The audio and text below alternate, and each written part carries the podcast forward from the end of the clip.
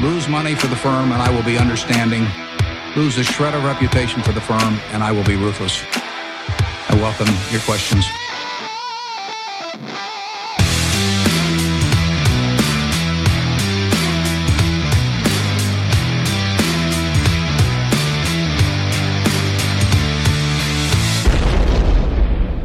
Välkomna till Kvalitetsaktiepodden. Det är jag som är Ola. Ja, och det är jag som är Klas. Eh, det här är avsnitt nummer 37 som spelas in onsdagen den 7 mars. Mhm. Mm. Igår Ola, den sjätte höll vi vår andra betalda föreläsning om värdeinvestering. Alla kap kan man väl säga. Mm, det har ju blivit en liten grej vi kör här. Det är ju trevligt. Ja, det var ett företag i konsultbranschen här i Linköping. Vi pratade utifrån temat hur man ska förvalta sin övervinst som kan uppstå i små bolag. Det är ju alltid trevligt med vinster. Ja, visst är det Om man det. sen kan få vinsterna att växa också så är det ju extra Ja. bra. Ja. Ja, de blir lite instängda där annars. Eh, och vi vill tacka er på bolaget som tog initiativet och vi hoppas att ni fått både inspiration och kanske lite nya verktyg. Mm. Mm. Så ni kommer vidare i ert eget investeringsarbete. Och jag kändes ändå som det var någon i publiken som tog till sig. Ja, igår grann. var det ju lite eh, hardcore men eh, ja. första gången här så var det ju lite mer allmänt eh, föreläsning alla kvalitetsaktiepodden. Ja. Eh, verkar, eh, de verkar gilla det. Ja, och ämnet kunde lika gärna varit så förvaltar du din eh, tjänstepension eller ditt eget pensionssparande till exempel. Exakt. Den Så hade vi- inte kunnat varit så jobbar du med TA. Nej, inte den här i alla fall. Nej, det hade inte funkat Det som, som rubrik på den föreläsningen. Nej, det kanske hade varit några andra. Men, men det kan. Jag, jag är ändå, känner mig ändå lite på gång här. Okej. När det gäller TA igen faktiskt. Så Jaha. jag får se om det kan komma något om det. Spännande! Ja. Ja. Eh, vi ser i alla fall det här som en ypperlig framtida in inkomstkälla för eh, podden. Ja, vad kul! Ja, vi hoppas kunna göra fler föreläsningar i framtiden. Mm. Och vi kommer återkomma i ämnet. Ja, Eh, ja, i år Ola, du har ju anpassat din semester.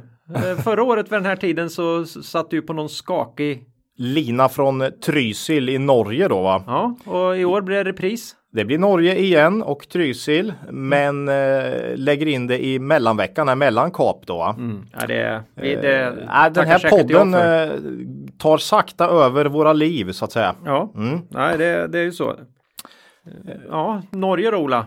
Ja, det är ju, blir ju pizza för 200 spänn och sådär va. Det, det är ju världens pizzatätaste, eller det landet där man äter mest pizza per capita tror jag faktiskt. Eh, Var det förra året du, du lyckades köpa en korv med bröd för 60 norska? Var var det så? Ja, jag tror nästan det var 70 va. Jag fick någon bild på det där. Jag borde eh, scrolla tillbaka i... Nu har vi hyggligt prisvärt boende då, men de vet ju att de tar igen det på maten. Ja, det är på pizzan liksom. Ja, vi vet ju att turisterna måste ju käka pizzan. Ja. Så det, det, det blir kanon. Nej, du kanske kommer träffa någon lyssnare också. Vi har ju oväntat. Ja. Oh, eller oväntat. Jag Några vet inte. procent De, lyssnar i Norge faktiskt, så det är Ja. jättekul och de, de, du har ju det här med Sverige-historier. De kanske ser det här som en humor. ren humor- humorpodd. en ren humorpodd. Ja, det är det ju också Ja. till, för oss som gillar riktigt töntig humor. Ja, så är det. Ja, eh, sen vill vi också som vanligt tacka vår samarbetspartner Börsdata. Värdeinvesterarens bästa vän. Mm, exakt. Eh, så var det med det. Och eh, idag ska vi prata lite aktuellt. Eh, du hade du har sett spaning. att, ja, att eh, en stor finanstidningsredaktion i stort sett hämtar allt sitt material från Kvalitetsaktiepodden och sen ska vi prata lite om Buffetts investerarbrev. Såklart.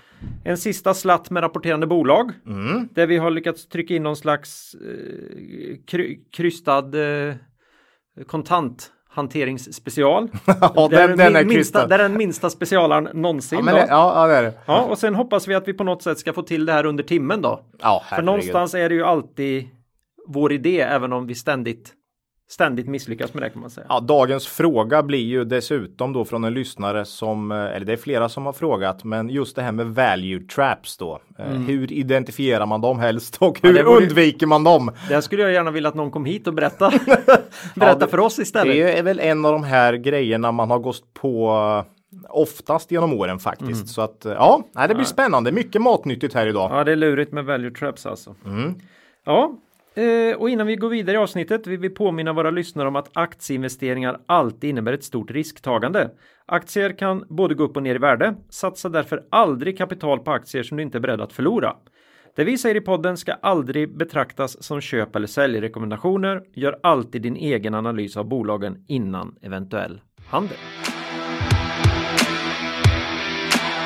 Då börjar vi med lite aktuellt här då. Du Ja, har ju mm, gjort ja, en jag- liten en liten tidningsspaning här. En spaning ja, precis. Eh, vi har ju, jag vet inte, jag har väl läst Dagens Industri i 15 år säkert. Eh, men senaste veckan här, Så har du märkt att det har hänt något. ja det har hänt, det har hänt något.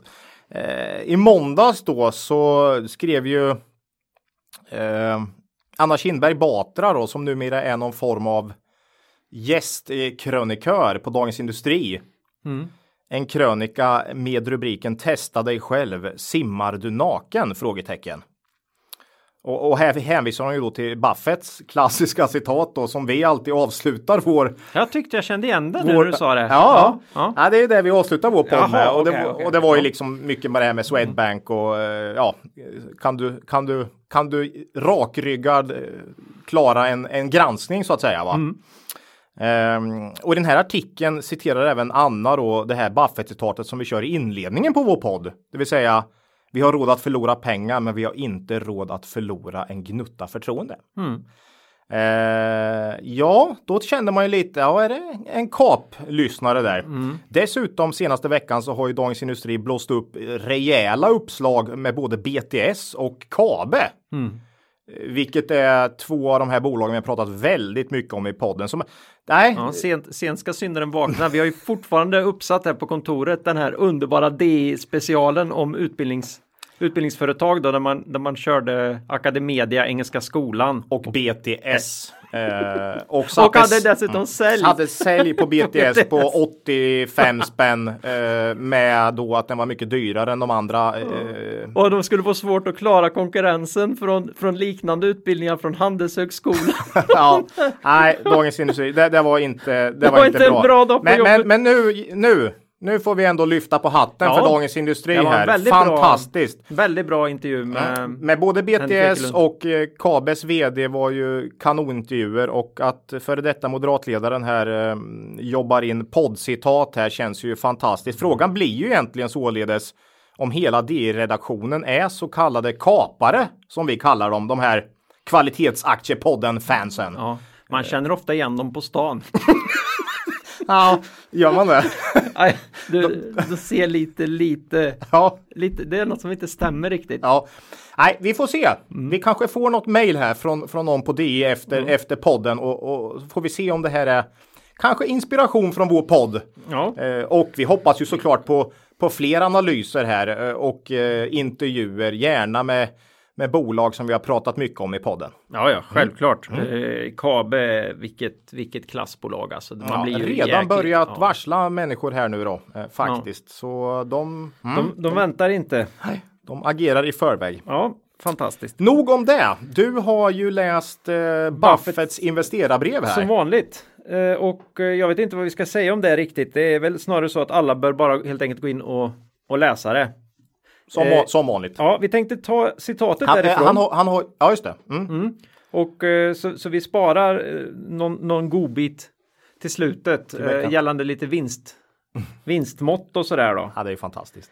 Eh, men men om man ska plocka ut någonting här. Han, ah, det är så intressant att han efter alla dessa år fortfarande Ja, det är alldeles uppenbart att han anser att vi måste, man måste gång på gång påminna världen om vad värdeinvestering är och varför det är så smart. Liksom. Mm. Ha, han har ju senaste tiden åkt på ett par rejäla kyssar då. Ja, Eh, I Heinz och framförallt ah, Heinz och Apple då egentligen som har varit eh, rejäla, fått se sina kurser gått ner Ja. helt enkelt. Eh, men samtidigt vet man ju att så, när han har liksom under de här 30 åren han har ägt Coca-Cola så har ju Coca-Cola gått haft sina perioder med rejäla sättningar också och problem. Ja. Så att eh, han, verkar ju bemöter ta... ju det här lite grann. Nu har ju Apple gått ner en del då eh, sen, sen Ja, nu skrev han ju det här rätt nyligt, men om man tittar på värdena så är det ju baserat till 2018 här naturligtvis. Det här är ju en, en del av års Mm. årsrapport, Ja, en årsrapport då. Men han, han inleder ju med att förklara att i, i Berkshire så är det skogen, inte träden du ska titta på. Och sen eh, förklarar han lite grann vad han menar med det, att den bygger på fem starka huvudgrenar och så vidare. Eh, ja, han är ganska obekymrad så länge bolagen som han då tycker ändå levererar enligt vad de förväntar sig eh, så, så, så, är han inte speciellt bekymrad om någonting. Så det, det, Kla det klassiskt ja. Buffett. Sen, sen, så kommer det ju några riktigt sköna grejer på slutet. Det som man kan säga är makrosticket lite grann. Han mm. pratar ju ganska, ganska mycket om amerikansk ekonomi och sådär och, och lite grann om skatter och man vet ju var han står i frågan om Trump och sådär. Mm. Men, men sen så tar han ju upp det här han är ju intressant när det gäller det här med domedagsprofeter då, så, som, som liksom neggar fiatvalutor och indirekt att äga aktier då eftersom de handlas ju i, i fiatvalutor. Mm. Och han konstaterade då att de 115 dollar som han startade sin investerarkarriär, han började samla in då pengarna han var sex år genom mm. olika viktvägningsmaskiner och sjuka grejer. Sen hade han 115 dollar och det måste varit rätt mycket pengar ändå. Mm. mm. Han, han, har ju någon gång också sagt up to then I wasted my life. Ja. Han förlorar ju tid där. Ja. Han har ju liksom ja. ränta på ränta gick åt skogen där mm, för honom. Mm, det är ju så tråkigt då. Ja, Det är 77 år sedan då han började när han var 11 år då. 77 år sedan. Ja, och han konstaterar då glatt att om man hade investerat dem i S&P en, en avgifts, avgiftsfri S&P 500 indexfond som återinvesterar alla utdelningar. Mm. De här 115 dollar då skulle idag vara värt ungefär 600 000 mm, dollar. dollar. Ja, det är grymt. Sen har han ju överavkastat själv ganska bra över det då, fast då har han ju haft Tagit mer in. än de 115 ja. så att säga. Men, mm, mm. Eh, sen konstaterar han glatt att hade han då gått sprungit iväg och köpt guld för det där. Mm. För 77 år sedan. Ja, då hade det guldet varit värt 4200 dollar idag. Ja, det är ju en procent ungefär. Ja, lite mindre än en procent då. Av, konstaterar han glatt. Mm, mm. Och ja, ja, ja, det är intressant. Guld har ju underpresterat under 77 år, så mm. kan vi säga. Mm. Och, och det här det finns ju en bok också här. Man kan läsa Stocks for the long run av Jeremy Siegel mm. som berör olika tillgångslag över jättelånga tidsperioder. Så mm. den kan ni Eh, den kan ni fiska upp om ni är intresserade av eh, vad som har hänt på jättelånga tids, eh, tidsrymder. Ja. Jag misstänker att någon kommer säga att Uh, nej, guld var jättedyrt då för det var ju mitt under kriget. Mm. Så det, det, det stämmer inte. Nej. nej. då, får ni, då kan ni gå omkring och tänka det. Ja, för jag vet faktiskt inte om det var så. Det, man kan misstänka att det var lite dyrare. Det är lite skillnad på ja, en uh, procent av. Mm. Och, och, sen kan han ju inte låta bli då. Så när han ändå lagt upp det här exemplet då kastar han in. Men om han hade fått betala en procent i avgift till den här fiktiva fonden då, den här S&P 500, 500 indexfonden, mm. då hade han inte ens haft hälften av de här 600 000 idag. Oj. Ja, ja. där ser man vad S&P 500 har ju avkastat i snitt 11,8 procent om man med investerade mm. utdelningar ja, och eh, då sjunker det till 10,8 och det kostar dig med ränta på ränta i 77 år så kostar det mer än hälften av av slutsumma. Det är mm. fantastiskt. Ja, nej, akta er för uh, avgifter helt ja, enkelt. Och sen kan vi väl se att frågan är hur länge vi kommer kunna ha den här uh, punkten. Han börjar ju avveckla sig själv. Mm. Det här har ju varit känt, men han trycker på det till och med inledningen av brevet nu då att man har ju ny, nya managers då både för den här oerhört viktiga eh, försäkringsdelen mm. eh, som är ju ett hjärta i Berkshire och sen även ytterligare en manager som har hand om resten kan man säga. Han ägnar sig åt investeringarna. Mm. Han har ju halvt eller mer än till mer än hälften klivit av som vd idag kan man säga. Ja. Eh, han, är väl han, håller på och... han håller på att avveckla sig själv här. Eh, mm. Sen har du ju Ted och Todd också som mm. jobbar med investeringarna där. Då. Japp. Så var det med det. Det var väl investerarbrevet. Intressant. Läs, Lä, läs om ni är intresserade av värdeinvestering. Ja. Annars är, gå vidare här så är rapportkommentarer temat för dagen då som vi sa. Mm. Mm. Det blir lite intressanta bolag. Lite... Och två nya. Två nya. Vi ska ju försöka ta upp något nytt varje dag, varje gång faktiskt. Och eh, dessutom såg jag på vår lista här som vi har över bolag vi har verkligen gått igenom att vi närmar oss 100 bolag där som vi har pratat om. Eh, ja. Lite mer djupgående och ja, då börjar det bli något. Ja, vi mm. satte igång i oktober 2017 så. Ett och ett halvt år, hundra bolag. Varannan vecka och sen har vi ju mm. unnar vi oss ganska rejäl semester och sådär så att ändå ja. vi, vi, har, vi har fått med några. Absolut. Men vi pratar ju mycket om samma bolag för Ja, men det, det är många som vill det också att mm. vi följer upp på de vi har pratat om så att vi försöker ju hålla en en, eh, en bra balans där mellan att följa upp på, på bolag vi har pratat om och eh, ta upp nya bolag som vi inte har pratat om. Mm. Och, och, idag är det ett av de här nya som är lyssnar eh, önskning kan man mm. säga. Mm. mm. Ja, du kan få bestämma i vilken ordning då vi ska Nej, vi går väl ut med önskningen direkt här mm. tycker jag. Eh, JLT Mobile Computers. Ja, den har vi ju lovat. Jag tror tyvärr att jag lovade den för länge sedan till någon och sen tittade jag på det och så tyckte jag att nej, jag orkar inte. Mm. Det här är ju ruggade datorer för krävande miljöer som industrigolv och lagerlokaler och ja, gruvor och alla möjliga ställen där man idag, dags nu för tiden behöver man ha datorer, men det är ju inte en lämplig miljö för en för en vanlig dator så att säga från, från, från Elgiganten eller sådär va? Ja, Apple kanske. Eh. Tyvärr för mig så ska jag säga, är, eller är det, de kallar ju det här ruggade datorer, är, eller är det så att det är ruggiga datorer mm. ur ett värdeinvesterarperspektiv? För det här har ju historiskt gått lite upp och ner kan man lugnt säga. Absolut. Eh, vi har ju en stark Eh, det är ju ett kvalitetsaktiepodden-bolag eh, mm. på grund av att man kommer från Växjö, Småland här. Mm, bara det, det gör, bara det gör ju att man blir väldigt glad. Va? Mm. Eh, JLT har jag följt i 15 år skulle jag säga. Mm. Plus nästan. Det är ett av de första bolag jag verkligen började följa 2003-2004 då. Eh, JLT har en väldigt ryckig historik. Eh, vilket mycket färgar min syn på JLT. Det ska man komma ihåg. 2018 var dock ett väldigt starkt år för JLT och eh, omsättningen ökade med 15% och ebit upp 37% Orderingången upp 26 och de sista tre åren har faktiskt varit väldigt bra mm, för jag JLT. Observerat detta. Ja. Eh, tioårshistoriken är dock inte lika smickrande då. Mm. Och det är just det här att det slår mycket upp och ner. Omsättningen har bara ökat med i snitt 2% per år, men med väldigt stora svängningar då. Mm. Uh, och man har haft en väldigt ryckig lönsamhet. Uh, man har samma omsättning idag som man hade 2005. Mm. Det är 14 år sedan. Ja, men det, ja, jag vet mm. inte vad man ska säga riktigt. Nej, konjunkturnedgångar har ju historiskt slagit extremt hårt mot lilla JLT här. Man har bara 177 miljoner i börsvärde. Det är ju inga fonder som är med här, utan det här är ju ett litet bolag helt enkelt. Eh, och varför är det så för att konjunkturen drabbar bolaget så hårt? Ja, man har bara ungefär 10% på service och tjänster egentligen lite mer återkommande va? Annars gäller det att sälja in nya. Det är nya ordrar som, eh, och vi har pratat det här med orderstyrda bolag att det, det, det kan röra ganska mycket på sig mellan olika år och jag har faktiskt tagit från de två värsta konjunkturerna här sista tio åren. Man hade ju en svacka 2009 och sen var det ju tufft 11-12 i eurokrisen också för, eh, ja, för, för, för Europa helt enkelt. Jag, jag har tagit ett, ett klipp från, från JLTs eh, årsbokslut från de åren och verksamheten 2009 då. Då skriver man efter en stark avslutning av år 2008 redovisade JLT en kraftigt vikande trend av orderingången under första kvartalet.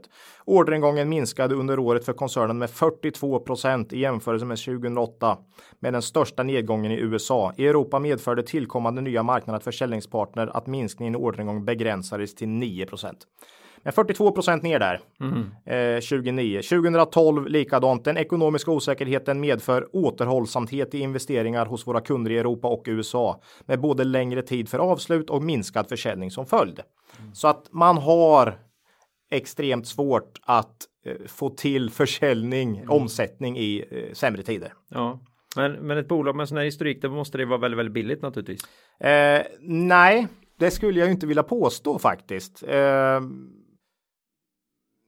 Ja, man har PE på 18 nu ungefär mm. och det är ju liksom inte så att det tar höjd för någon form av eh, lågkonjunktur här då med, med omsättningsminskning på 40 procent eller vad, vad de har haft historiskt i, i tuffare tider. Jag, mm. jag tror ju inte JLT är ett särskilt mycket nytt bolag nu jämfört mot vad det var då 2000. De har väl, det känns ju som att de har kommit in lite mer i eh, logistiksvängen, att man har kunnat ta en del av den här nya kakan med alla paket som ska uh, forsa runt överallt och i Ja, men man, man har haft internethandeln. 10, ja, jo, men man har haft 10% rörelsemarginal tre år i rad nu. Mm. Så det skulle kunna vara ett tecken. Samtidigt 2015, så sent som 2015 hade man 3% i mm. rörelsemarginal och det klarar inte Olas klassiska lågkonjunkturtest så att säga, utan mm. det, det försvinner mycket mm. i sämre tider.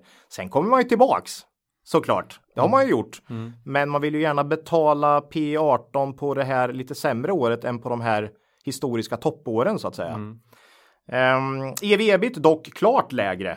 Ja, man har, man har en jättekassa ja. här och uh, typiskt alla Småland då. Eh, mm. Uh, där håller vi så vi kan klara av tuffare tider. Man säger ju det också ja. lite att uh, det är för det liksom så att mm, jag, jag, jag, tycker nog att det känns lite för dyrt på P18 på toppvinster och insynsförsäljningar senaste tiden visar ju lite på samma sak här.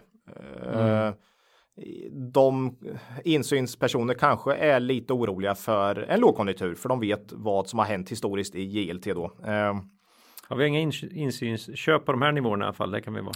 Nej, det, det, nu, nu har det varit några sälj här helt enkelt. Ehm, ja, nej, JLT är ett, eh, nej, det är ett spännande bolag, men eh, lågkonjunktur, lågkonjunktur skrämmer mig här. Eh, och jag skulle gärna köpa JLT ett år då eh, vinsten rasar ihop eh, på grund av att eh, man inte får några ordrar på nya datorer. De, Det är ju de, ett kvalitetsbolag på det sättet att de kommer tillbaka hela Ja, ja. tiden. Nej, men alltså, De- de, för det är mycket så här att då skjuts ordrarna ett sånt år. Eh, man säger att nej, det blir ingen försäljning, men sen året efter så är ju omsättningen upp då 30 procent.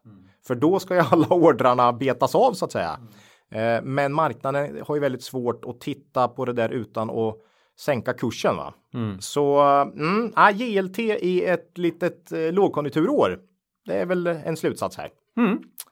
Så det var Intressant bolag. ja, ny, nykomling och alltså det här är ett bolag som kan bli intressant eftersom Mycket. de har visat upp den här mm. Men på sex- att de alltid ja. går tillbaka men de måste ner. Men på 6-7 kronor här och det, det är liksom, jag förstår att insynspersoner När säljer. folk deppar ihop här i nästa lågkonjunktur då, då kan vi vara med Då ska vi se.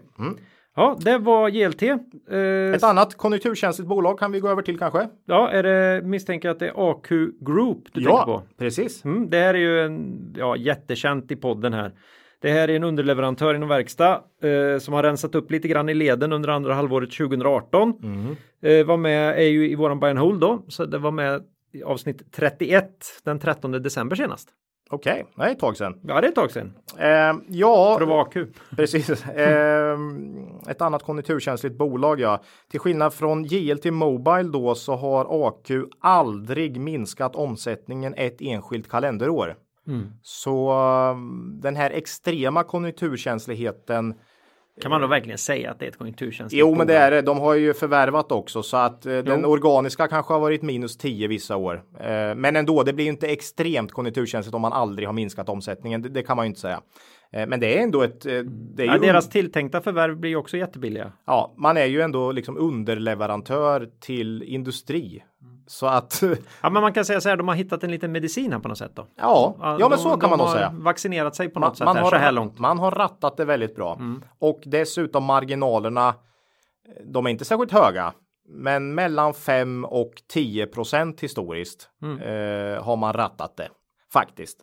Ehm, förra året då så städar man Mm. extremt mycket. Q4 dock ett stort steg framåt då. Omsättningen plus 20 procent. Eh, varav 8 procent organiskt. Ebit plus 68 procent om man justerar för, för engångskostnader. Vinst per aktie plus hela 166 procent. Så Q4 var ju så bra som man kunde hoppas på tycker jag. Ehm, man är själv inte nöjda som vanligt.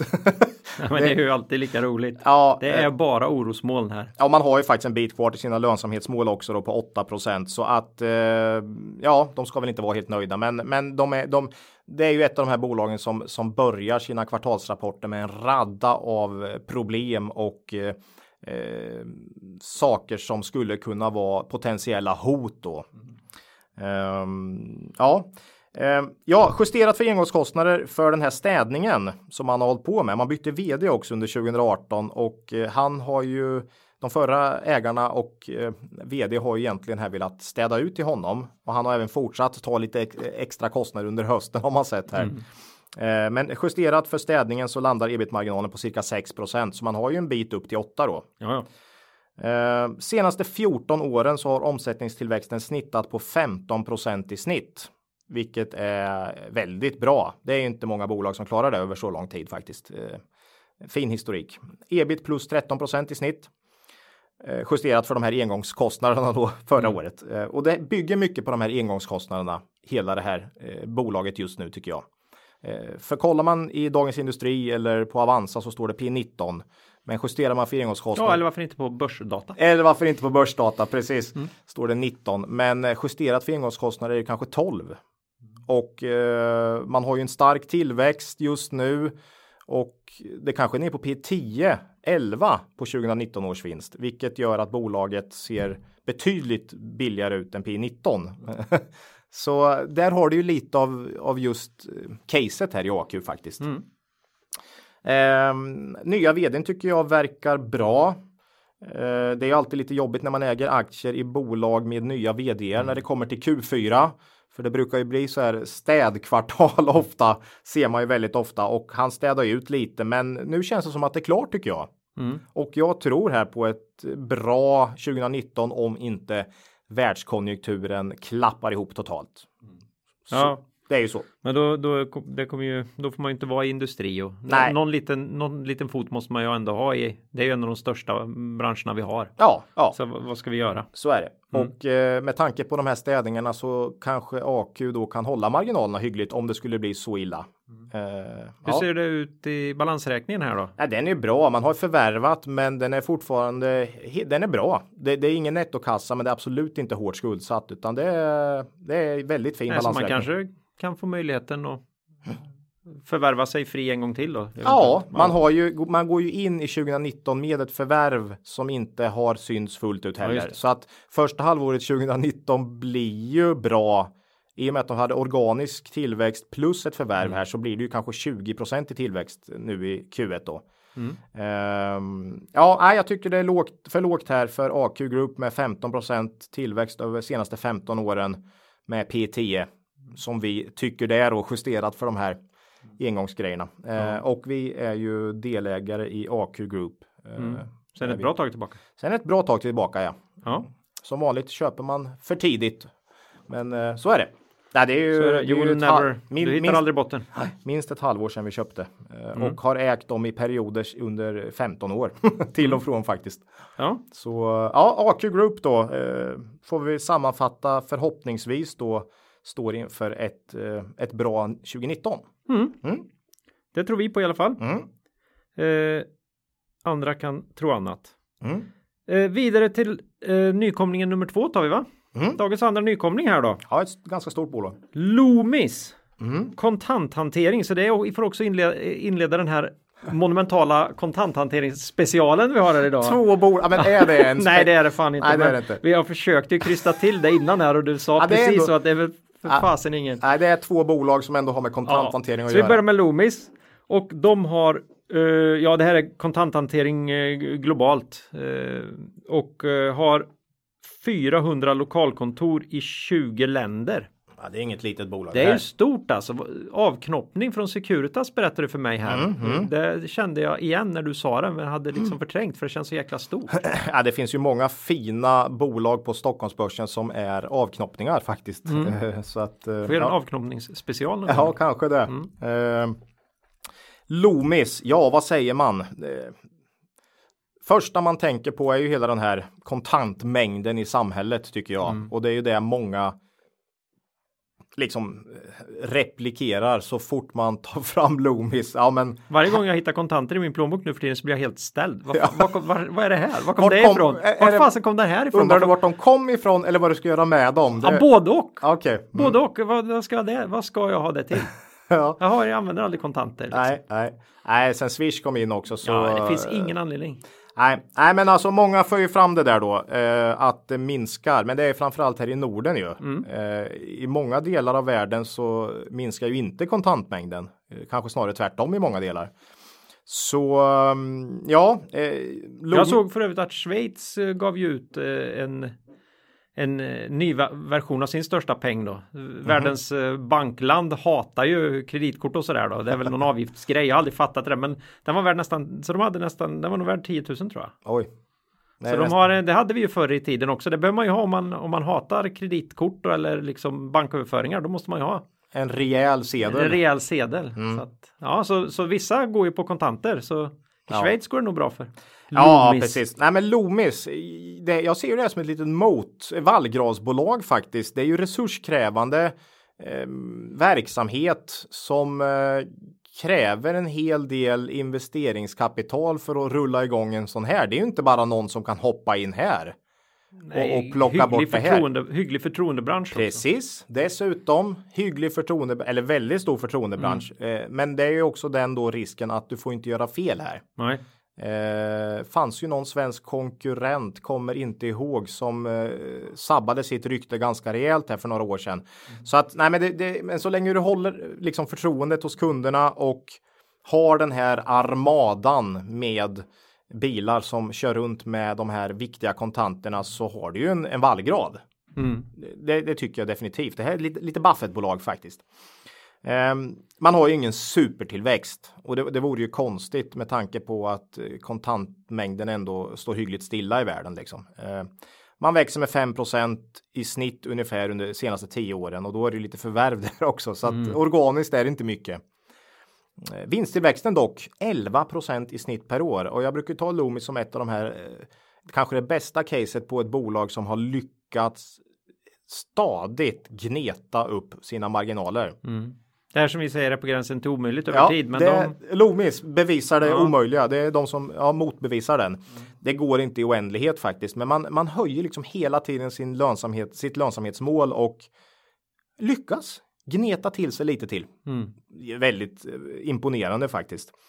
Eh, man gör det bra, man gör det målmedvetet helt enkelt. Eh, och för att nå sina nya långsiktiga mål, man har väldigt, varit väldigt bra på att lyckas nå sina mål historiskt och sina nya mål då som man har satt för 2021 så krävs en årlig omsättningsökning på 8% nu och vinstökningen ska vara 10% per år.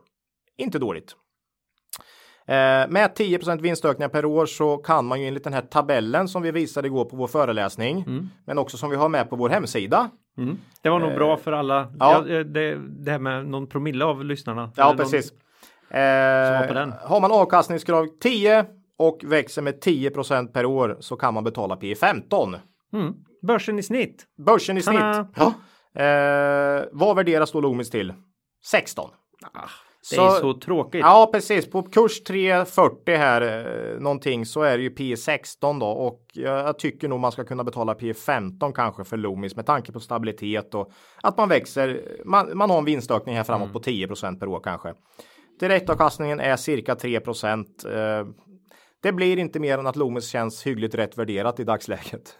Mm. det är vad jag tycker. Det är ett fint bolag med bra stabilitet, men det finns liksom inte den här margin of safety i dagsläget. Hade det varit P10 12 här nu, då mm. hade man ju börjat sniffa till sig eh, det här liksom. Mm. Eh, då hade jag börjat bli intresserad faktiskt. Ja. Men det är, det är, lite för dyrt i dagsläget tycker vi. Ja. Eller det är rätt värderat om vi säger så. Då. Ja. Men, men prissättningen är alltså inte ett värdetransportrån i alla fall? Det nej. nej, det är det inte. nej, nej, nej, nej, okay. Ja, bra. Då... Det var Loomis. Det var Loomis. Kul! Mm. Eh, sådana där bolag kan ju bli jätteintressanta. Eh, folk blir mer och mer negg till kontanter. Ja, den är och... viktig. Och de är noterade ja. i Sverige. Mm. Det är lite det är ironiskt inte... nästan. Det är liksom kontantlösa landet. Ja, och där har vi ytterligare ett eh, land som är på väg att bli mer och mer kontantlöst då när vi går över på nästa bolag. Ja. Och det här är ju inte okänt för eh, poddlyssnarna överhuvudtaget. Men Den... väldigt litet. Ja. Ja, det är ju det. Den starka punkten Strongpoint. Norskt bolag. Ja, syns i samhället främst genom sina röda cashguard system då som finns i ja, företrädesvis matbutiker och sådär va? Ja. Eh, är ju även på senare tid en framgångsrik återförsäljare av Pricers hyllkantsetiketter. Ja. Eh, som, som, som har gett dem en viss uppmärksamhet. Och de kämpar ju som toka med att bygga upp en marknad med både hårdvara och intelligenta system för klick och click and collect då. Mm, Den här framtiden ja, då där man, man beställer deras... på nätet och sen ska man kunna åka till någon, något fiffigt, någon, någon sån där ställe där det står lådor där det kan vara kylt och inte kylt och allt möjligt roligt. Det, det är ju Strongpoints framtidssatsning mm. kan man säga. Click and collect. Ja. ja. Och de var med senast den 17 maj i Norge-specialen. ja, för ett år sedan. Ja, väldigt oj, länge sedan. Herregud. För ett bolag som du och jag pratar så mycket om mm. utanför podden. Man har faktiskt ett tredje ben också. Labels. Jag vet. Det är, uh, the hidden asset. The hidden asset. Nej, men det är ju etiketter mycket till ja. eh, konservburkar och grejer. Ja, ölflaskor till ja, exempel. massor sånt liksom. Mm. Eh, lite, Adhesives. Mm. Lite nilörn eh, light där mm. i, den, i det tredje benet. Eh, och det är lite de här, det här är ju ett väldigt litet och ganska bortglömt bolag på norska börsen mm. faktiskt. Eh, eh, och det är lite med det här med tre ben som jag tycker gör det intressant. För alla tre benen är lönsamma och de växeldrar lite. Mm. Um, det största omsättningsmässigt är ju de här egna produkterna då, Cashguard, Eh, man har ju sådana säkerhetsväskor för banker eh, där man liksom eh, färgar pengarna om man, jäkel ja, snor dem. Man bär kontanter helt enkelt. Mm. Det säljer mycket i ja. Ryssland faktiskt. Det är stor marknad. Faktiskt. Det är inte alls omöjligt att nu är det säkert inte så, men Loomis skulle mycket väl kunna ha dem som en del i sin lösning. Men det Eller vet så jag har de egna. Ja, det ja men det jag menar. Ja. Jag vet inte. Men kan vara ren konkurrent. Det, häng, det är därför de är på med i, i den här specialen. Ja, precis. ja, och sen har de då Click and Collect. De har också ja. de här apparaterna där man man betalar i kassan och får en lapp för att hämta ut tobak som ja. trillar ner. Det, det är också uh, Vensafe heter Vensafe, det. Ja, tack. Mm. Mm. Så massa liksom uh, olika tekniska lösningar till uh, dagligvaruhandeln egentligen. Um, ja, Pricer har ju fått en rejäl uppsving på börsen senaste tiden och Strongpoint har ju gått ganska starkt sista tiden också, men på ett år sedan vi pratade om det såg jag att den var helt oförändrad. Det, mm. det var 9,90 när vi pratade om det sist och den står i 9,90 nu. Mm.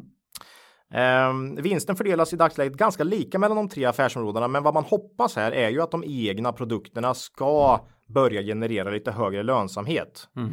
Sverige och Norge står stilla för bolaget i princip. Det är ju deras starka, men starka hemmamarknader, men man säljer på, på grund av kanske då kontantmängd och så vidare så är det inte mycket nytt man säljer där. Nej, alltså stora nyförsäljningar.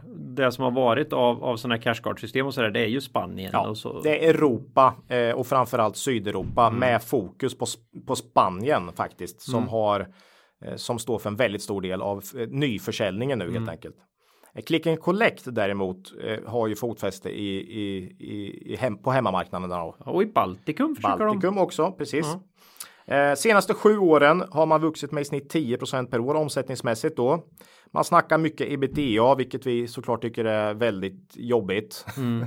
det, det, gör vi ju alltid. Ja, och, och, det är ju för att de gör det av samma anledning som alla andra som pratar ebitda, för på något sätt så försvinner alla pengarna på väg ner till ja, vinst per aktie-raden. Det är faktiskt så här att det är inte mycket som rinner ner mm. här. Eh, P talet för 2018 är 30. Eh, men då har du ju en del engångsgrejer faktiskt som drar ner vinst per aktie. Men om du kollar då på ev ebitda så är det 7. Mm. det är sån extrem skillnad. Uh. Eh, PS 04. Så väldigt lågt värderat till sales också då. Um, och, och jag, jag, ser ju det här mycket som att ska man köpa strongpoint så är det ju en ett bett på att man får upp marginalerna för det kommer göra ganska stor effekt om man hö, höjer sina ebit-marginaler lite grann på vinst per aktie. Det, det, går ganska fort att höja vinst per aktie då så att det är mycket bett på att man kan få upp lönsamheten lite för den är faktiskt historiskt låg nu om man kollar de sista sju åren mm. så är ebit marginalen lägre än vad den har varit. Eh, och eh, andra grejer man har ju bytt vd här också precis som i eh, ja vad var det? AQ. Ja, mm. tack. Eh, och eh, han har gjort ganska bra intryck på oss mm. än så länge faktiskt. Verkar eh, vettig och han har ju tagit tag i lite grejer och drar ner på. Det känns som att det har byggts lite overhead här genom åren och det är lite trött säljorganisation verkar det ha varit alltså. Ja, du sätter ju fingret på dem. Det, alltså han, han har ju städat bort konsulter. Han har gjort sig av med anställda. Den förra vdn hade väl suttit i 14 år och gick i pension här nu. Eh, vi fick en känsla av att han inte ville bråka med sina vänner på slutet där nästan. Mm. Eh, så att han har, han har städat under andra halvåret 2018 och man säger att man ska minska kostnaderna med 30 miljoner under 2019 mm. och det gör ju en substantiell skillnad för ett så här litet ja, bolag. Lyckas han med det men kan bibehålla framfarten eh, omsättningen. Ja. omsättningen ja. Så, ja. Eh, och som du sa, han har satt fokus på säljprocessen ganska mm. rejält också. Eh, dessutom förvärv finns på agendan här. Eh, så det är en hel del intressant som håller på att hända, men ja, måste ju till lite mer tycker jag i dagsläget för att det ska kännas riktigt intressant. Men jag, jag tycker det här är ett bolag man ska hålla koll på. Man har dessutom inte sänkt utdelningen som man började dela ut för åtta år sedan. Och eh, nu har man en direktavkastning på ungefär 5,50 då. Eh på 5,5 procent då på mm. kurs 10 spänn. Så det, är, det kan ju bli en sån här utdelningsfavorit om man fortsätter hålla uppe den här nivån eh, över lång tid. Mm. Um, ja, caset bygger mycket på att man fortsätter leverera de här 10-procentiga årliga tillväxten men att man får upp marginalerna framåt egentligen. Uh, Men Ja. lite intressant, bortglömt bolag. Mm. Det är väl viktigt här eh, transparensmässigt då. Vi äger ju ingenting i i, i vårt bolag längre i, i Strongpoint, men jag har lite grann i någon pensionsförsäkring. Okej, ja, Eh, det kan inte vara mycket va? Nej, det, du vet ju hur, hur, det ser ut. hur Ja. magra de avsättningarna är, så du kan ju Ja, ja. lätt räkna ut Nej, att det okej. blir inga, Mm, ja, det blir inga förmögenheter. Nej, du får ju en bra direktavkastning där Claes i alla fall. Ja, ja, det- ja. Nej, jag tycker det är lite kul, men det är ju ingenting. Man kan inte vänta evigt, utan nu måste han börja visa att det biter där. Mm, jag tror att man kan komma in. Ja, det är mycket möjligt att man kan komma in. ja, det Ja, och, det, och det är ju låg hand, väldigt Ja. låg handel eller låg omsättning i aktien så att den kan ju lätt gå ner 10% på kort tid utan utan någon nyhet liksom. Så att eh, ja, nej, men Mm. Det var intressant. strong, strongpoint. Och, och speciellt kul för alla Pricer eh, fans där ute. Det, är- Ja. det är ju stark koppling. De, de, de, eh, Det är de, oroväckande ofta när Pricer, när Pricer har, eh, har lagt en, en nyhet om att det har sålts något Mm. större system så visar det sig när man går in på Strongpoint så är det de som har sålt. ja, i, ja, precis. så är det de som har så de är det. ju återförsäljare och Ja. liksom. Och så jobbar ju Pricer. Ja. Men eh, Strongpoint verkar kränga rätt mycket av Ja, deras. ja. Mm. Och de har ju den naturliga ingången i alla deras butiker. De har exakt samma kunder. ja så De samarbetar ju också med det här. eh, Det är ju, de har ju jättenära samarbete genom den här, eh, det här systemet för att plocka i butik. ja, ja, Med den ja. här eh, lampan som lyser som man springer omkring i, i riktiga butiker så att säga. Ja. Då kopplar man ihop då eh, Strongpoints lösningar med Pricers Mm. lösning. Så det är en, en stark koppling där. Mm. Ja. Så kan, kan vara något att titta på. Match made in heaven, de där två kanske skulle Skulle vi haft med pricer här också på kont- Nej, det är inte kontant här. Så att nej, det stämmer. Nej, Nej. det gick Eh, inte. Det gick, inte. Får ta senare. Mm. Hopp. Då lämnar vi det här lilla. Då är vi tredje försök att lämna Strongpoint här nu då. Ska Ja. vi gå? Ja, Ja. det gör vi. Ja, Då går vi in på en, ett eh, bolag som vi inte har pratat om sådär jättemycket men som ändå är med i våran buy and hold. Mm. Och med båda våra buy and hold. Så den var med den 13 december. Och det är ju internetleverantören Bahnhof. Som ju som vanligt vill skydda kundernas integritet. Och eh, ja, de har ju också en hel del hostingtjänster då i bolagets servrar också. Lite datahals stuket där. Mhm. Eh, de har ju det här projektet som de backar på nu. Vad heter det nu då? Elementica? ja, eller? ja. Ja. Bahnhof, Ja, välkänt. har vi såklart fått lite frågor. Man får frågor här sista tiden. Man Mm. får ju man får sällan frågor på, på de bolag som aktier som går bra, men eh, blir det lite. Vi har inte fått mycket varför det har gått så fruktansvärt bra i BTS. Den har faktiskt inte kommit så där jättemycket. Nej, Har du nej, tänkt nej, men det, det har jag sagt många gånger och det är ju helt Det är så det funkar. Det är så Man det blir ju funkar. nervös det, är- när nej, det- men, Ja, det är klart man ska. Det är klart man ska hålla koll på sina svar. Det har ju vi pratat mycket om att du ska hålla koll på. Och vi säger, vi säger vattna dina blommor men eh, rensa ogräset och det är lite mer jobb att rensa än att vattna. Ja, så ja. visst det stämmer, det så ska det vara. Bahnhof, John Karlung här, Mm. lite sådär pionjär kan man säga. Om, om, man, om man tar här eh, Pontus då i Betsson va.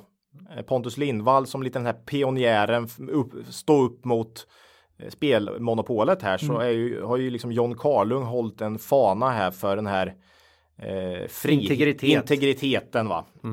Eh, Anonymitet på internet. Ja, Bahnhof eh, är ju ett fantastiskt bolag historiskt med 10 års eh, siffror här på en omsättningsökning på 25% i snitt per år. Och vinsten har ökat ännu mer i snitt alltså över 10 år. Det är, det är ju oerhört ovanligt de siffrorna. Eh, fantastiskt bolag. Q4 här var dock sämre än vad marknaden väntat sig helt klart och man kom in lite under sin helårsprognos för 2018. Men vi kollade det innan vi gick in här. Det var ju inte något. Det var ju ingen så här eh, jätteavvikelse. Det var väl Nej. 142 istället för 145 i ebit. och också så snyggt då. Missade ju omsättningen rätt mycket men eh, klev ju ändå in på ebit då. Hyggligt ja. Ja, så det är ju, det är ju kvalitet. Eh, ja, omsättning och ebit upp 10% i Q4, vinst per aktie plus 25. Eh, kursen har ju gått ner ganska rejält på slutet här. Mm, Aktien var ju ganska dyr på 30, ja, 35 kronor stod den i. Och nu är den ju nere i 23 då. Ja, Så det, det är en ganska stor skillnad och den var ju dyr tyckte vi. Men vi tror ju att det här Elementica då eh, var eh, liksom många såg det som en ytterligare en trigger här. Man ja det skulle liksom Särnoteras. ja, synliggöras en massa värde här. Och, Eh, och sånt. det har man ju pratat om i ett par år här då. Eh, det är ju liksom man, man driver, det är ju datahallar då. Mm. Man konstruerar och, och driver datahallar i det här Elementica som som är ett dotterbolag då till, till Bahnhof. Man har pratat om att det skulle liksom särnoteras och det skulle synliggöras värden då. Mm. Så att frågan är om inte kursen har varit lite uppdriven på grund av det också. Mm. För nu backar man ju samtidigt som man släppte en lite svagare rapport omsättning och vinstmässigt från Elementica att, att den här särnoteringen då. Mm, att det skulle liksom vara redo att stå på egna ben och så. Nej, man, man har nog backat helt och hållet. Ja, och det verkar inte aktuellt längre. Nej, utan det här ska drivas som ett dotterbolag till Bahnhof. Uh, det har nog spett på den här mm. nedgången också tror jag. Många hade nog det som en liten option här liksom. Uh, för att ytterligare då eh, strö salt i såren här kommer ju Skatteverket ut här då. Aj, aj, aj, uh, några dagar efter rapporten och sa att Bahnhof kan ju bli upptaxerade här då med 5 miljoner per år Eh, ja, det är någon konstig skatteregel som kanske du vet bättre i och med att du är någon form av skatteexpert. Och det, rå, det råkar ju vara så att det är ju precis det här jag jobbar med i mitt tidigare liv. Det är ju jätteroligt att man för en gång skull kan få nytta perfect, av liksom, perfect match. Vad, när folk på fester frågar vad jobbar du med? Ah, jag jobbar ju med ekonomiska styrmedel inom energi. Jaha, Eh, jag ska bara gå och ta lite mer bål, du vet. Den, det blir den va. Det är som när man är på fest och det är börsras, då är det, då är det ingen som vill prata med en alltså. Ja, jag läste lite om det, det var väl någon tidning som fångade upp det. Först, jag vet inte hur mycket bolagen har lipat. De lipar väl inför de reportrarna där, men mm. för mig känns det här som trams. Det har ju att göra med att man har ju fått igenom en man hade ju inte den här, eh, man får göra ett jätteavdrag. Man betalar nästan ingen eh, skatt på el för den el man förbrukar överhuvudtaget längre. Okay. I de här datahallarna? I de här datahallarna. Och eh, Skatteverket har väl åsikten då att i många av de här datahallarna så är det så att säga andra. Man, man äger inte, de som har datahallen och använder elen äger inte prylarna. Mm. Bahnhof hyr till exempel in sig en massa datahallar idag med sina grejer. Och ja, och då kan jag säga så här, du kan ringa mig så kan jag hjälpa er att reda ut det här tror jag. Det finns, du, du tar en miljon och sparar fem till Bahnhof. Ja, är, den är känns inte jätteklurig den här. okay. eh, det finns, eh, tror jag, tre olika sätt jag kan komma på direkt hur man ska, hur man ska lösa det här. Okay. Och bara den sista är att faktiskt bara lipa lite grann igen för våra riksdagspolitiker så kommer ni få ytterligare ett undantag. Så ni behöver inte vara oroliga. Det här kommer vara kraftigt övergående. John Carlung är ju en eh, entreprenör mm. och eh, provocerare ut i fingerspetsarna. Han, kanske, han, han kommer säkert provocera eller fram. Eller tvärtom, han säger att jag vill inte ha era allmosor. ja, jag vet era äckliga integritetskränkare. Det känns som att han kommer, han, han kommer lösa det här själv. Ja, ni kommer ändå bara ge pengarna till Säpo, ja. säger han. Ja, eh, se vad de kan åstadkomma. Nej, jag vet inte. Nej, det, det är ju jättekonstigt. Mm. Det, ja, det här kommer Nej, gå över fort. Då tror vi inte på de fem miljonerna som eh, ökade kostnader för Bahnhof. Eh, Bahnhof har ju en historik av att lämna väldigt specifika prognoser mm. år för år eh, faktiskt på ebit pe, på miljonen. Mm. Det är oerhört sällan man ser, men de har ju så väldigt stabila intäkter eh, och växer så fint varje år så att det är lite som en klocka. Jag vet inte. Det är någon form av mot här också. Eh, man byter liksom inte bredbandsleverantör om man tycker om man är väldigt nöjd, eller? Nej, Ja, jag tycker det är en jättemot. Mm. Uh, och dessutom har de en liten eh, extra... Alltså, de alltså en sak hade varit om de kör som kommer hem andra som bara pissar upp priset och försöker liksom tar, tar sina kunder för givna. Mm. Uh, när de gick ihop här nu, det var en sammanslagning mellan Comhem och all tele... Nej, nej.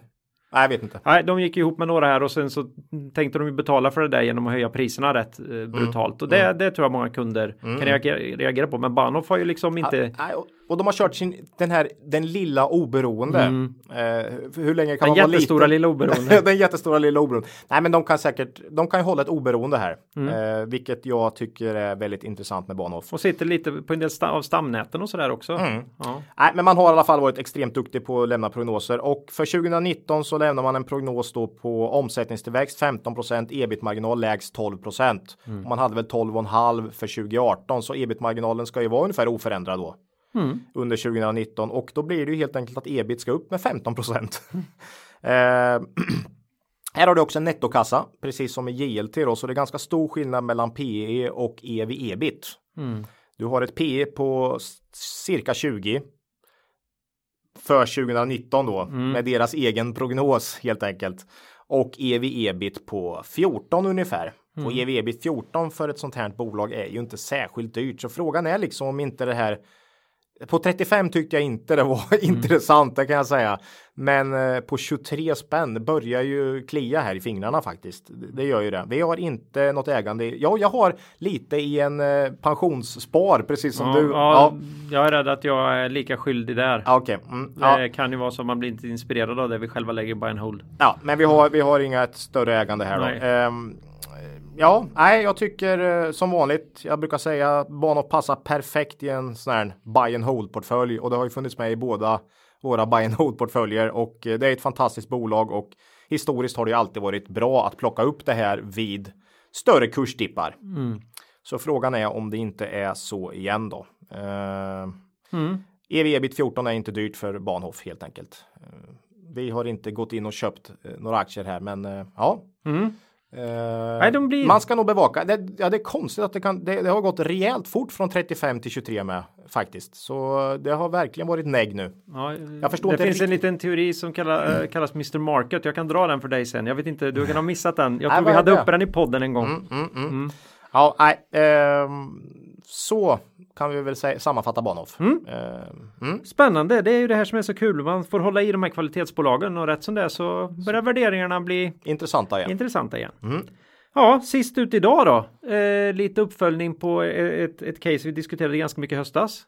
Ja, och en av den senaste tidens stora snackis också faktiskt, får man ju säga. Ja, jag vet inte om det är så känt. Det här är ju Global Gaming 555 då. Och de har ju, det är ett eh, gamblingbolag. Mm. Eh, så här kasinogrejer. De har Ninja Casino.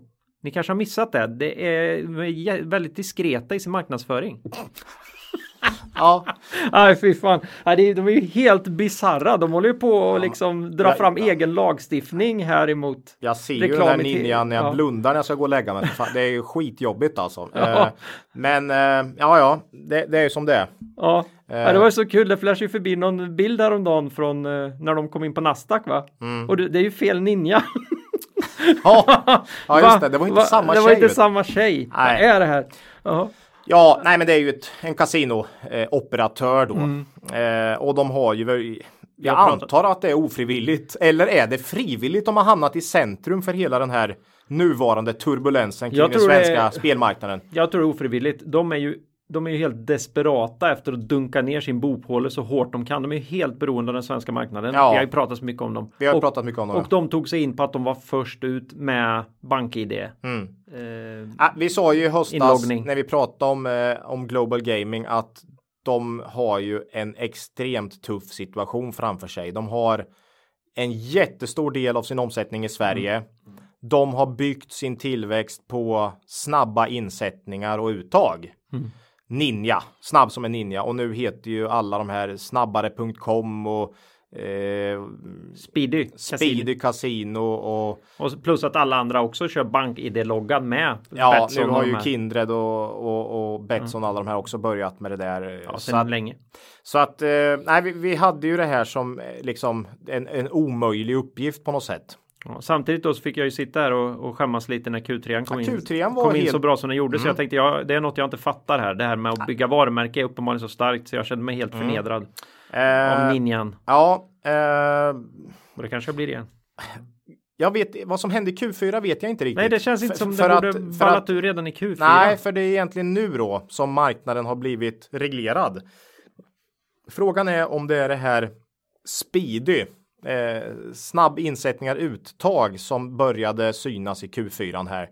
Att andra helt enkelt har lika bra eh, lösningar vad gäller det. Eh, eh, kan ha varit så, för omsättningen steg 35% men eh, resultatet sjönk med 60 så att man hade blåst på med rejält med marknadsföringskostnader.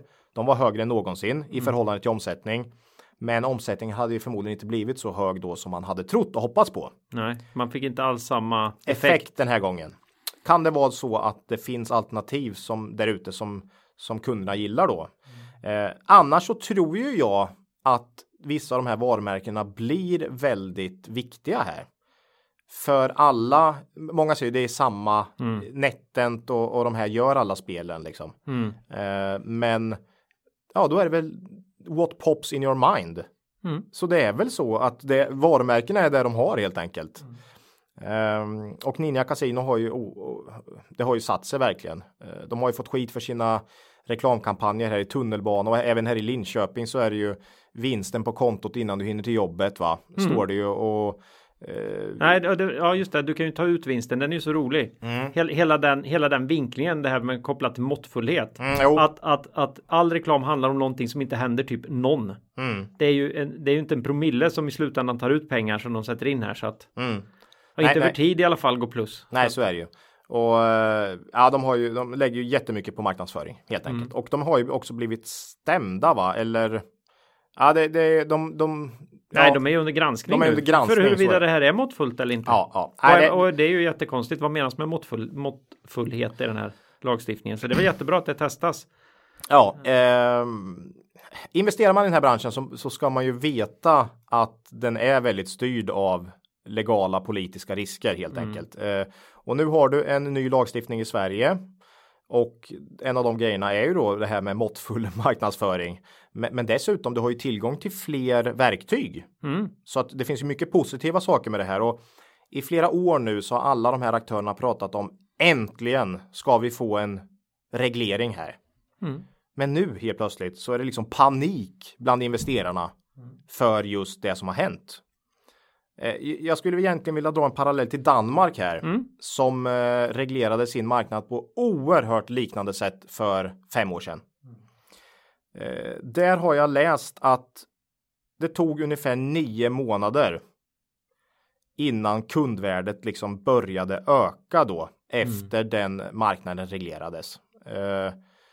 Så visst, det kan ta ett litet tag, men det är inga jätte, det är inga eoner av tid. Nej. Om nu då den svenska marknaden kommer bete sig på samma sätt. Ja, och, och man inte gör bort sig så fullständigt här så du får regleringar eh, av den typen som har kommit i, i Italien till exempel där man helt enkelt förbjuder Marknads reklam. Mm. Man förbjuder marknadsföring rakt av. Mm. Det, det, som istället händer då är ju att du slinker tillbaka in i den här eh, grå i, i den gråa världen igen då där du så att säga levererar utifrån en licens någon annanstans. Malta-licens ja. och sen går folk in på deras .com-licens istället för mm. .se då. Ja. Um, ja, nej, men jag tycker det är oerhört intressant för Danmark ses just nu som kanske den bästa marknaden i Europa. Mm. Balanserat eh, skatte eller balanserade skatter och en marknad som funkar väldigt bra. Mm. Det tycker både spelbolag och stat. Mm. Eh, och så gör man ett system i Sverige som ska likna det danska så mycket som möjligt. Det låter ju bra. Ja. Eh, det kan inte, alltså jag ser du som vet, att... de har ingen ninja i Danmark. Vet Nej. Du? Det de, de såg inte den här, det är sån här shuriken, vet du, ja, kaststjärna ja. bara Nej, men, smack. Ja, det, det, det, är något som inte stämmer när man säger ja. att Sverige, att den här regleringen är det sämsta som, att liksom, det, det, är, det är katastrof nu då. Ja, men marknaden att, verkar tycka det. Marknaden, ja. aktiemarknaden mm. verkar tycka det, men att den danska ska vara så himla bra då, mm. i och med att de är exakt lika i stort sett. Frågan är då om det marknadsföringen sker på ett annat sätt i Danmark och att svenska politiker kommer slå ner på det här så hårt. Uh, jag vet inte. Uh, Ninja Casino eller Global Gaming har i alla fall inlett ett åtgärdsprogram här. Mm. Måste sänka kostnaderna. Det är ju sällan bra när man hör bolag börja dra i de där grejerna. Va? Eh, Ninja Casino är ju helt, det är väl 90% tror jag av Global Gaming så att det är ju Ninja Casino. Man har en extremt stor del av omsättningen i Sverige, men man har Finland och Estland också tror ja, jag. man har skaffat lite andra licens. Man försöker ju röra sig utåt. Det är mm. helt rätt. Man måste ju sprida riskerna lite här. Eh, man höjde utdelningen trots en ganska svag Q4 här då rejält mm. och direktavkastningen, håll i det nu Claes. 18 procent landar den på nuvarande kurs. ja, vi ska ju snacka value. Den, den, den kommer vi inte höra så mycket och sådana såna siffror är det inte jätteofta vi Nej. kommer höra. Nej. Vi ska ju snacka value traps här sen uh, och uh, det här vet vi fortfarande inte då. Nej. Men uh, det, det, är ju en sån här, det luktar ju mycket. Det, det finns lite indikatorer här. Ja, för mm. jag vågar inte ens gissa vinsten för 2019 kan jag säga. Kommer den halveras? Alltså att första halvåret blir väldigt svagt det tror ju nästan alla. Man har indikerat att Q1 blir väldigt svagt då. Eh, man fick ju till och med stänga ner sajten lite för att det funkade inte initialt. Liksom. Ja, det var det många, många som fick. Eh, skillnaden var ju att de andra kanske svenska marknaden var 10-15 procent ja. av deras marknad. Och här har vi ett bolag där hela deras marknad fick stänga igen i stort sett. Ja, jag, jag vågar inte gissa vinsten ens Nej. för 20, 2019. Eh, kollar man... man har ju öst på så in i bänken ja, med marknadsföring. Ja, och det fortsätter man ju med nu. Det är bara att kolla nu så att eh, jag tror marknadskostnaderna kommer vara extremt höga. Frågan är vad som händer med omsättningen då, då nu. Um, det blir förmodligen tufft första halvår här för Global Gaming och uh, rent spontant aktien har ju rasat något fruktansvärt och kollar man PS då för att liksom försöka ta bort vinsten här då så så är det PS 08 att jämföra med Betsson och Kindred på 2. Mm. Så den är ju mycket lägre värderad än de stora operatörerna, men det ska den ju vara också mm. Eh, såklart. Eh, jag skulle vilja se insynsköp nu. Det, det, det, det, är ju det man skulle vilja känna. Det finns ju några, några stycken på Twitter som har har antytt lite grann att det, det är ju lite mysigt att försöka säga att ja, vi eh, styrelsen här är så konfident så den uh, håller fast vid den här utdelningen. Ja, de höjde. Ja, höjde ut, mm, höjer mm, utdelningen. Mm, mm. ja, i, för man tror så mycket på det. Ja, men belåna era hus då och köp aktier. Om ni nu tror så förbannat mycket på det här. Ja, ja. Nej, men liksom- precis. Man skulle vilja se insynsköp. Alltså. Jag vet inte vad det här är. Det här är ju inte den inverterade pilotskolan då, utan det här är ju någon slags annan pilotskola. Ta, man, man, vi börjar elda lite mm. i, i, bak på flygplanet här ja. genom att dela ut eh, de pengarna vi har och skydda oss med. De hade, de hade en stor nettokassa. Ja. De delar ut en del av det här, eh, men jag, jag vet inte. Jättesvårt alltså. Eh, jag, jag avvaktar ju här mm. definitivt och jag vill ju se hur det här första halvåret 2019 utvecklar sig innan jag mm innan jag ens funderar på det här. Eh, vad som kan hända på kort tid på positiva sidan är ju att det är en tydlig uppköpskandidat. Ett av de starkaste ja. varumärkena i Sverige för en, en, en, en, internationell spelare som vill ha en svensk licens mm. och ett av de starkaste varumärkena. Eller hur?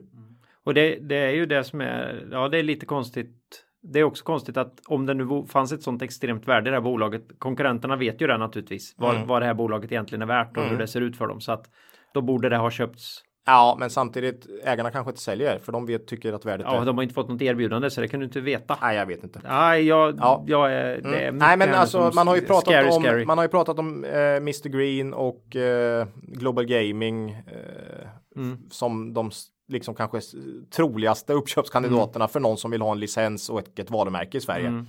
Eh, vi får väl se. Eh, fortsättning följer på den, men nej, jag avvaktar från sidlinjen här i Global Gaming. Men det blir oerhört intressant att följa och, och direktavkastning 18% är väl jag vet inte om jag har sett. Jag har dem, jag har dem nog. Att följa det här är på underhållningskontot för mig just nu. Mm, alltså, det ja. här är ju, ja, men det kan vara nog så. Ja, ja, det är ju jättekul. Mm, mm. Ja, uh, så är det. Och nu ska vi gå från det till en fråga som handlar om value traps. Då. Ja, ja, ja, det låter som en tanke här Ola. Mm, ja, mm. Vi går över i lyssnarfrågan. Hur ser vi på value traps och hur undviker man sådana?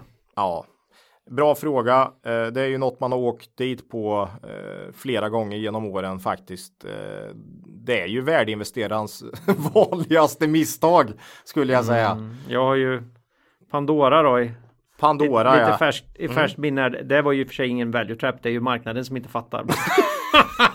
ja, jo. Nej, nej. nej, men det är ju value trap då. Ska vi börja?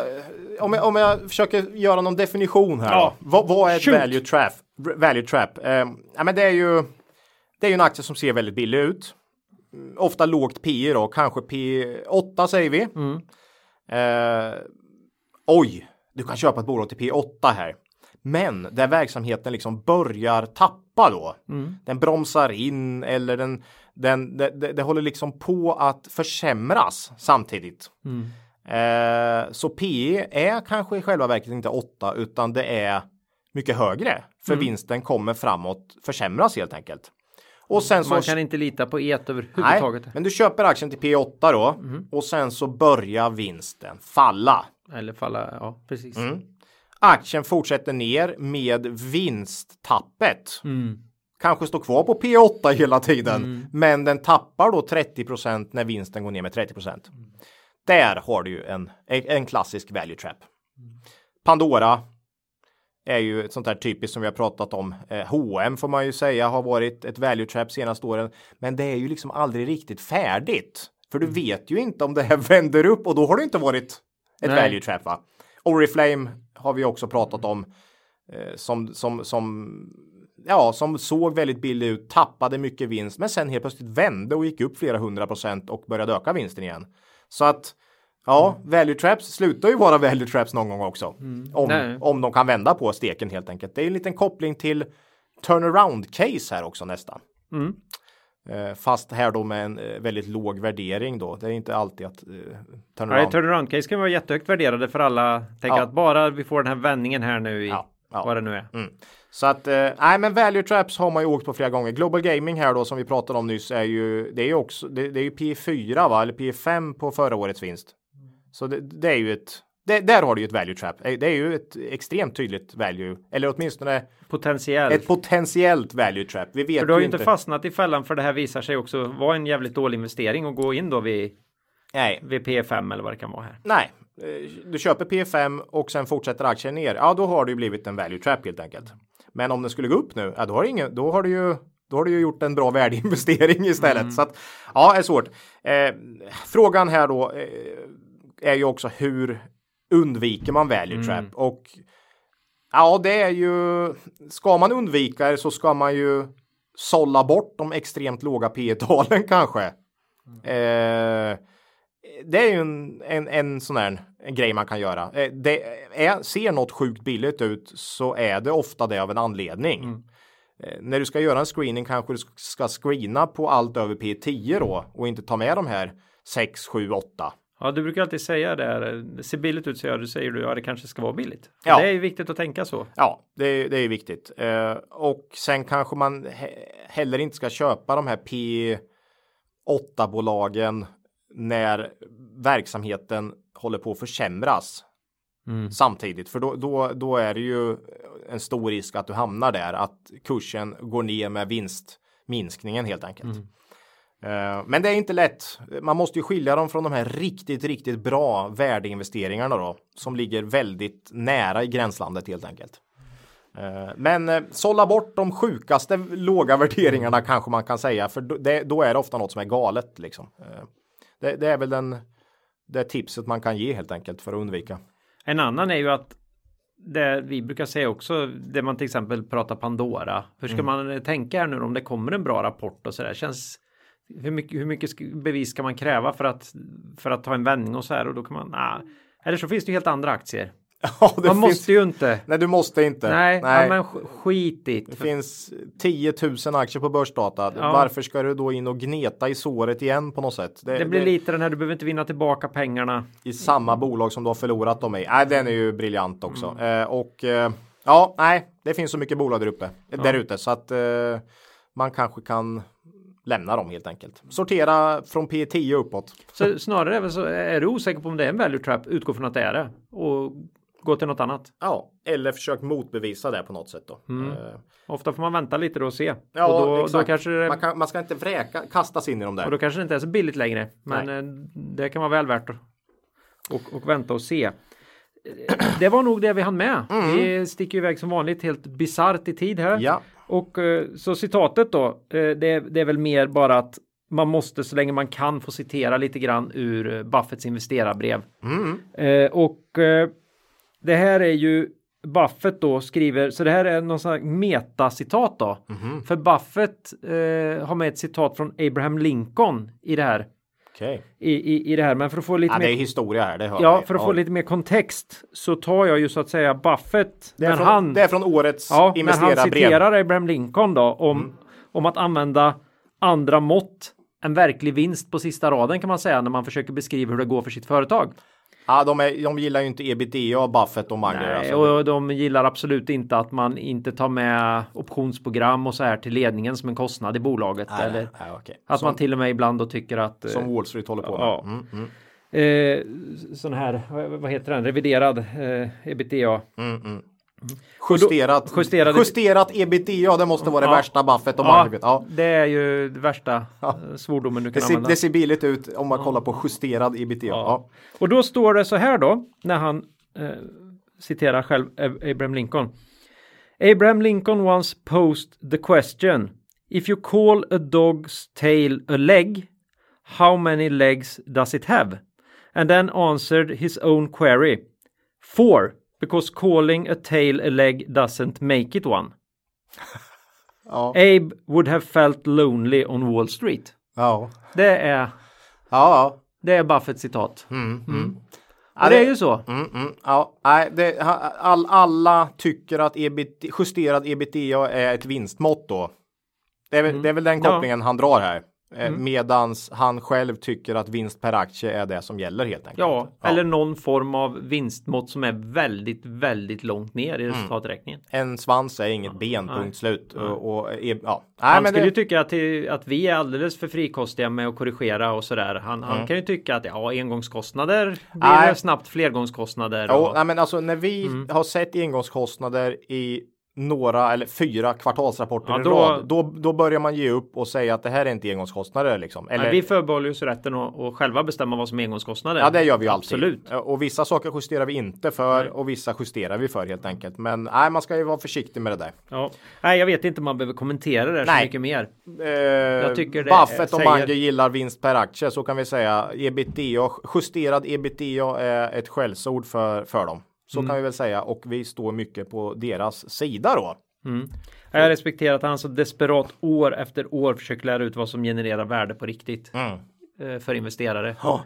Nej, kanske inte så många år eh, han finns kvar här så att eh, bra att vi plockar citat från honom här. Mm. Ja, lyssna på det. Mm. Då drar det faktiskt ihop sig här då äntligen Ola, till refrängen. Och i nästa avsnitt tänkte vi prata om investering i Håll, håll, håll, i er nu. investmentbolag. Ja, precis. Det kan ju gå precis hur som helst. Men för att det ska bli kvalitet på det där då så har vi faktiskt tagit hjälp av George från eh, Börsdata som har gett oss lite underlag då hur han tycker man kan Screena på Screena börsdata och, just vad gäller eh, investmentbolag. man kan säga att han har en viss koll Mm. på sin egen produkt och sitt eget data. Det är, det är vansinnigt vad kul, mycket kul grejer som finns där. Ja. Så det ska vi ta.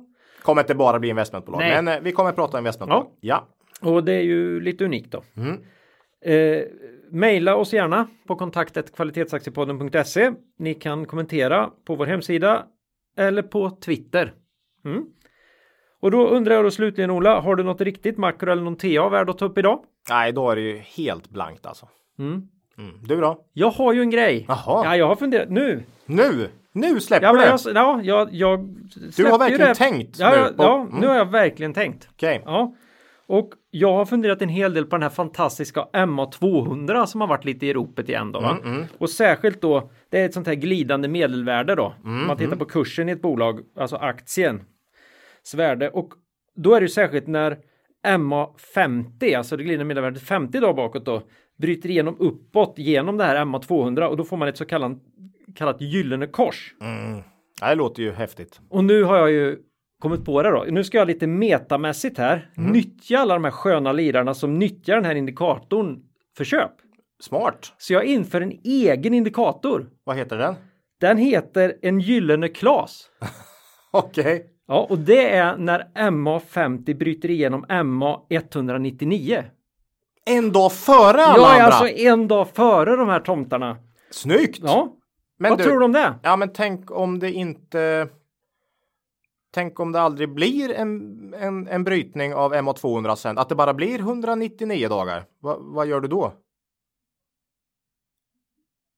Ja, jag, jag tänkte inte, tänkte inte på det.